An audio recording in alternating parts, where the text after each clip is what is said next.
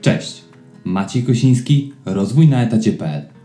Dzisiejszy odcinek rozpocznie serię o podróżach na etacie, które sam odbyłem lub odbyli moi bliscy znajomi podczas swojej pracy na etacie.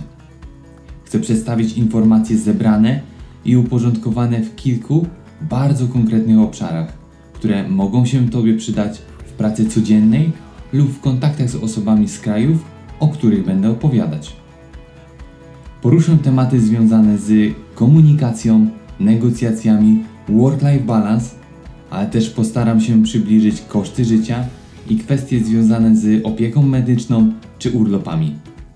Zakres odcinków będzie obejmować kraje i obszary takie jak Chiny, Stany Zjednoczone, Meksyk, Europa, Rosja czy Japonia. Zapraszam. Dzisiaj rozpocznę od Chin. Opowiem, jak budować relacje z tak odległym kulturowo i geograficznie narodem i tak bardzo różnym pod praktycznie każdym względem. Na co zwrócić uwagę podczas pracy z osobami z tak pięknego kraju? Jak zbudować relacje, która pozwoli zaufać obu stronom i zacząć realizować długofalowe projekty? Budowanie relacji. Zacznę od budowania właściwych relacji. Podróżując kilkukrotnie do Chin w celach związanych z pracą, miałem możliwość poznania zupełnie odmiennego stylu współpracy od tego, do którego możesz być przyzwyczajony w Europie. W Polsce chociażby mamy zasadę zapraszania klientów na kolację w celu przypieczętowania współpracy, dogadania umowy czy dokończenia negocjacji. W Chinach natomiast często kolacja odbywa się już wieczór przed spotkaniem i tak też będą wyglądać kolejne wieczory, kolejne dni. Chińczycy będą Tobie poświęcać każdy wieczór, bo im bardzo na Tobie zależy. Warto więc zaplanować już wcześniej i w miarę możliwości zorganizować wspólną kolację, żeby spotkać się na innym gruncie niż tylko ten zawodowy. Osoby z tego kraju na pewno bardzo mocno to docenią i docenią również fakt, że nie przyjeżdżasz tylko for business opportunity, czyli tylko po to, żeby coś szybko załatwić i się pożegnać. Niemniej pamiętaj o pewnych zasadach savoir-vivre, których należy zawsze przestrzegać. Zadbaj o to, aby zakończyć taką kolację z poczuciem, że było to nieformalne, lecz bardzo profesjonalne spotkanie i następnego dnia każdy będzie pamiętać Cię tylko pozytywnie. Hierarchia. Na spotkaniach w Chinach bardzo wyraźnie widać, kto przewodzi zespołowi i bardzo ważne z perspektywy komunikacji jest przekazać, kto wśród osób przyjezdnych również jest głową zespołu. Pozwala to łatwiej kierować rozmową i ma się pewność, że zwraca się do odpowiedniej osoby.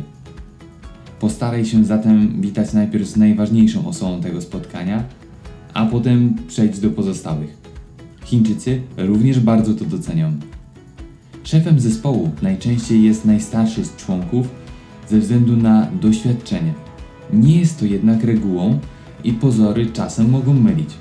Sam miałem okazję być w takiej sytuacji, bo jako najmłodszy uczestnik spotkania byłem odpowiedzialny za całą wizytę i było to niemałe zaskoczenie dla moich chińskich kolegów. Szybkość podejmowania decyzji.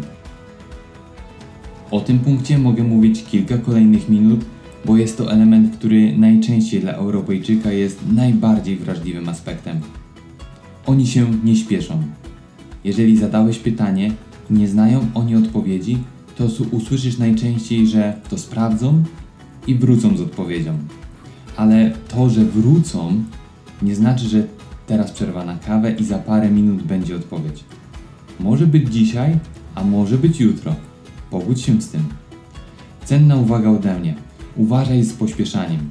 Nie wszyscy to lubią, więc jeżeli wiesz, że do końca spotkania zostało mało czasu, zrób to bardzo, bardzo dojrzale i w przemyślany sposób. Z racji tego, że miałem okazję wizytować kilkukrotnie moich dostawców, podzielę się z Tobą bardzo dobrą praktyką. Jeżeli już dzisiaj wiesz, że będziesz czegoś potrzebować od swojego kolegi, podzielcie się z nim tą informacją czego na pewno będziesz oczekiwać podczas swojej wizyty, na co byś zwrócił uwagę, na co zwrócisz uwagę, co chciałbyś zobaczyć. Na pewno to doceni. Zapewniam Cię, że będzie to świetny punkt w rozwoju Waszej współpracy, bo pokażesz, że zależy Ci na tym, nawet gdy jesteś jeszcze w domu. Tym samym pomożesz też lepiej mu przygotować się do spotkania. Zapewniam Cię, że przyjeżdżając na miejsce będziesz mieć przygotowane wszystkie dokumenty. A jak mówimy o przygotowanych dokumentach, nie proście też o wszystko. Czasem warto też zweryfikować ich przygotowanie na miejscu i zdolność do wyciągania pewnych danych albo ich niestety drukowania. Zwracajcie na to szczególną uwagę, e, a w szczególności na zgodność z oryginałem. Chiny to miejsce, gdzie wszystko potrafi być podrobione i taka sytuacja mi się niestety zdarzyła. Przykre doświadczenie, ale miało miejsce, dlatego zwróćcie na to szczególną uwagę i bądźcie czujni. Feedback. Istnieje różnica pomiędzy firmami rozwijającymi się a rozwiniętymi. Ilość elementów różniących jest ogromna, ale dziś opowiem o tej, która według mnie jest najbardziej znacząca o jakości i rodzaju feedbacku. Firmach rozwiniętych bardzo duży nacisk kładzie się na kulturę feedbacku, zarówno w układzie poziomym, jak i względem menadżerów oraz oczywiście klasycznie menadżer swojemu zespołowi.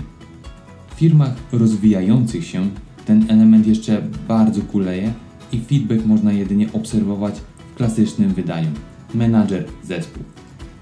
W Chinach zostały przeprowadzone badania, w których to pracownicy produkcyjni mieli za zadanie ocenić swojego przełożonego według pięciu bardzo konkretnych kryteriów, a więc organizacja, uczciwość, otwartość na sugestie, zdolność do przystosowywania się i empatia.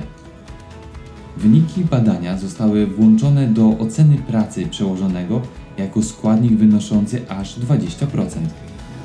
Zauważono pozytywny wpływ prowadzenia takiego składnika oceny, ponieważ punkt ten mocno wpływał na chęci rozwoju menadżera. Wiedział, co boli jego zespół i próbował wprowadzić konkretne działania. W kolejnym miesiącu przychodziła kolejna weryfikacja i kolejne usprawnienia do wdrożenia. Tak oto została wdrożona na stałe możliwość anonimowego, przemyślanego feedbacku. I tak jest w Chinach.